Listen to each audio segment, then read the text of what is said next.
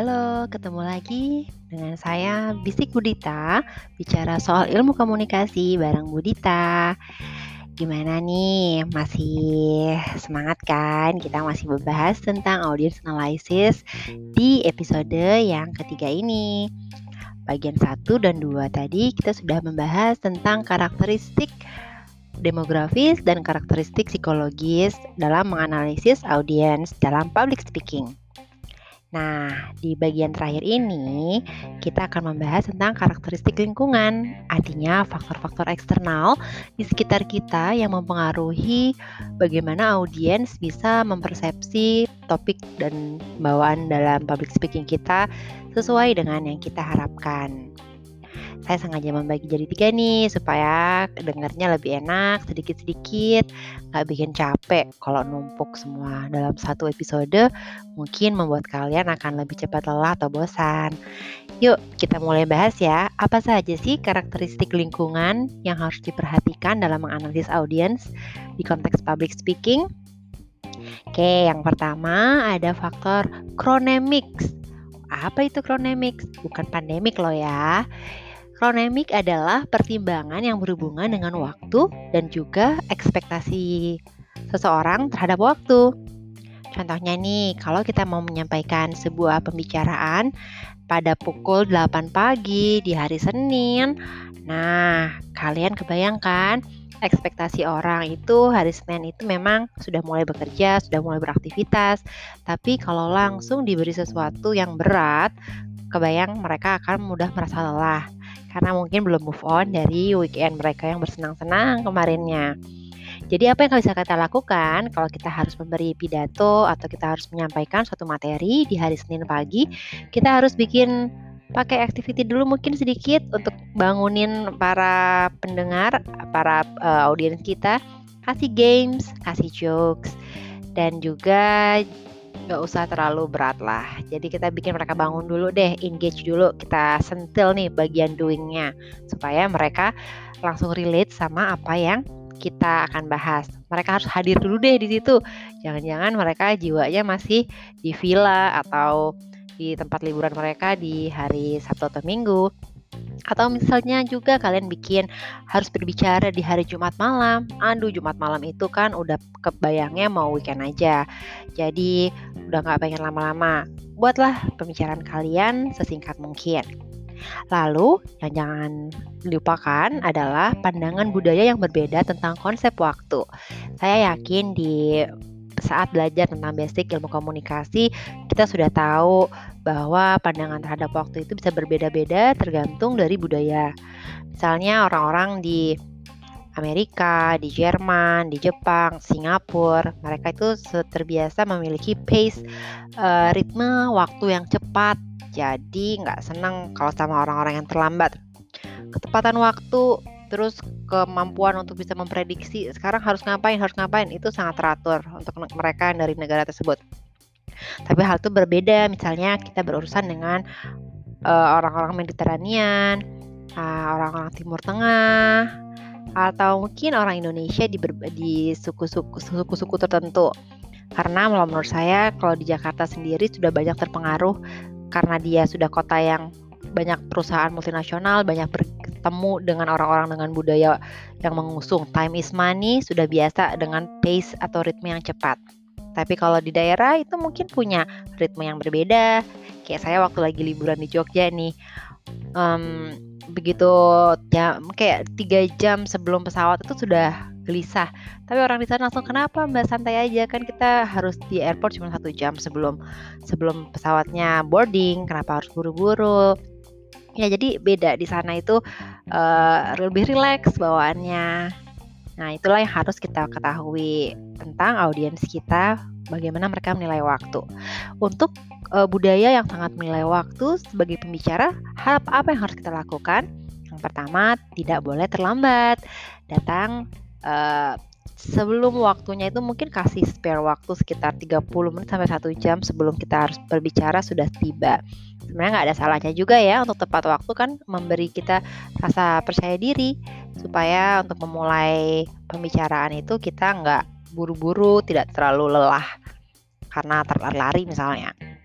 Dan juga untuk menyelesaikan. Nih menyelesaikan sebuah pembicaraan kadang-kadang ada nih pembicara yang keterusan bablas keasikan ngobrol sampai-sampai nggak tahu waktu udah melebihi batas waktu yang seharusnya. Buat budaya yang sangat menghargai waktu hal tersebut bisa dianggap sesuatu yang menyinggung perasaan dianggap uh, tidak menghargai mereka. Karena sebagai pendengar pun mereka nggak cuma menghabiskan waktunya hanya untuk mendengarkan kita, mereka punya kegiatan lain loh di hari itu.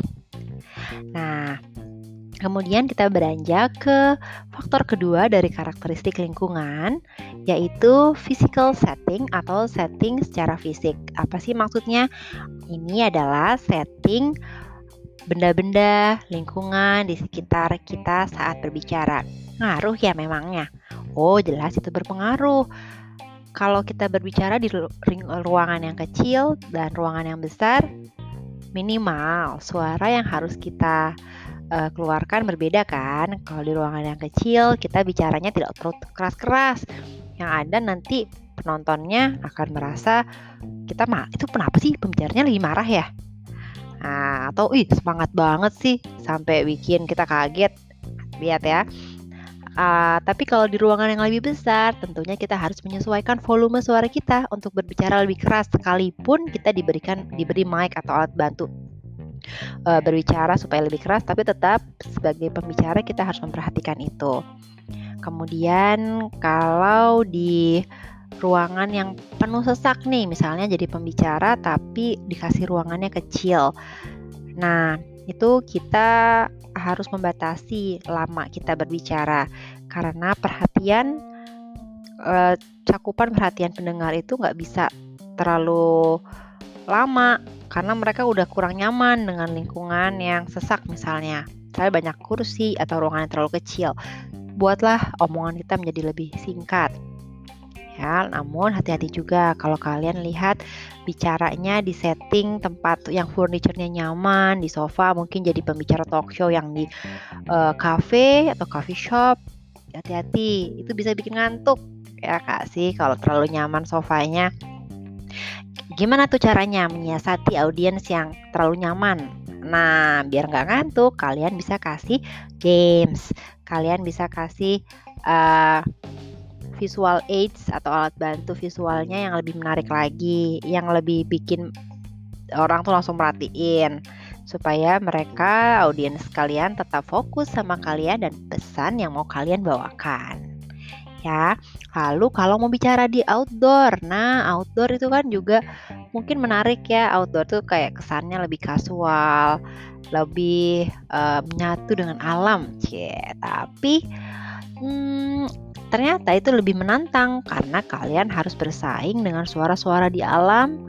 Ada suara mungkin ada suara angin atau juga nggak hanya suara bisa tiba-tiba cuaca ya hujan atau tiba-tiba panas. Rasa panas itu membuat audiens juga kurang nyaman. Harus perhatikan kalau kira-kira cuacanya kurang bersahabat buatlah pesan kalian singkat aja yang penting sampai tujuannya Kemudian, um, faktor yang ketiga dari karakteristik lingkungan adalah occasion atau event atau acara.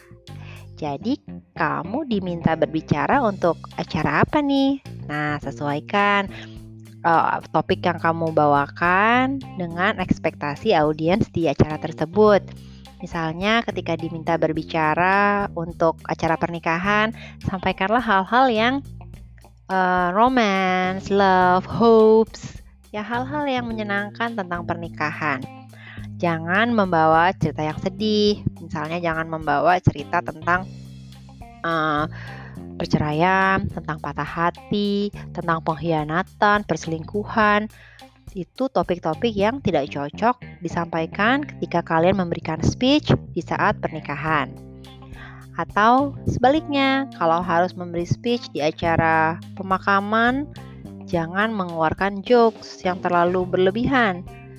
Kalau misalnya mengenang kisah-kisah indah yang manis atau menyenangkan bersama almarhum atau almarhumah itu boleh, tapi jangan bikin jadi bahan bercandaan karena jadi tidak sopan dong orang acara pemakaman kok malah bercanda. Ya, jadi intinya harus berkaitan. Berkaitan dengan acara apa. Oke. Jadi um, itu penting karena itu menyangkut dari ekspektasi atau harapan audiens. Nah, sampai di sini nih sudah selesai sih tiga karakteristik tadi. Saya mau sedikit recap. Yang pertama ada karakteristik demografis. Ya, ada yang kedua, ada karakteristik psikologis dan ini adalah karakteristik yang ketiga yaitu karakteristik lingkungan.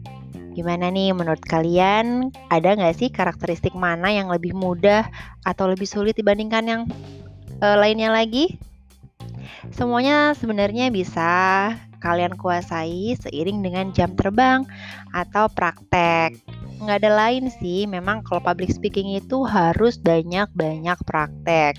Harus sering dicoba, dilatih. Kalau belum ada kesempatannya ya udah kalian latihan sendiri dulu di depan kaca. Apalagi untuk anak ilmu komunikasi, kemampuan public speaking itu adalah jualan kalian banget deh. Kalau kita sampai kalah nih sama anak-anak lain, anak-anak dari jurusan lain, ya jadi ngapain dong kita susah-susah kuliah komunikasi 4 tahun. Oke, lalu ada beberapa metode nih yang bisa dilakukan untuk kita melakukan analisis audiens. Ada dua, secara garis besar ada dua. Yang pertama adalah direct method, yang kedua adalah indirect method. Direct method ini mencakup apa sih ini metode langsung? Artinya kita langsung mewawancara, kita bikin focus group discussion, kita kasih survei, kita kasih polling. Biasanya orang-orang yang sempat melakukan metode ini adalah untuk pembicaraan-pembicaraan yang memang sangat penting dan sangat menentukan. Contohnya jika seorang seseorang menjadi kandidat politik, menjadi calon ketua kepala daerah, calon presiden, calon wali kota, timnya tim suksesnya biasanya akan melakukan metode ini, akan turun, melakukan riset, interview pada konstituen, melakukan focus group discussion, melakukan survei dan polling untuk mengetahui apa sih yang mereka suka, apa yang mereka butuhkan, mereka inginnya apa, apa kendalanya, apa yang tidak mereka sukai. Itu bisa dilakukan untuk hal-hal yang memang sangat menentukan masa depan. Jadi konten pidatonya, konten orasinya itu harus benar-benar sesuai dengan kebutuhan audiens. Lalu yang kedua nih untuk level-level kayak kita kita aja nih uh, bisa melakukan metode tidak langsung atau indirect methods. Ini lebih mandiri artinya kita bisa lakukan sendiri tanpa harus bantuan tim atau orang lain.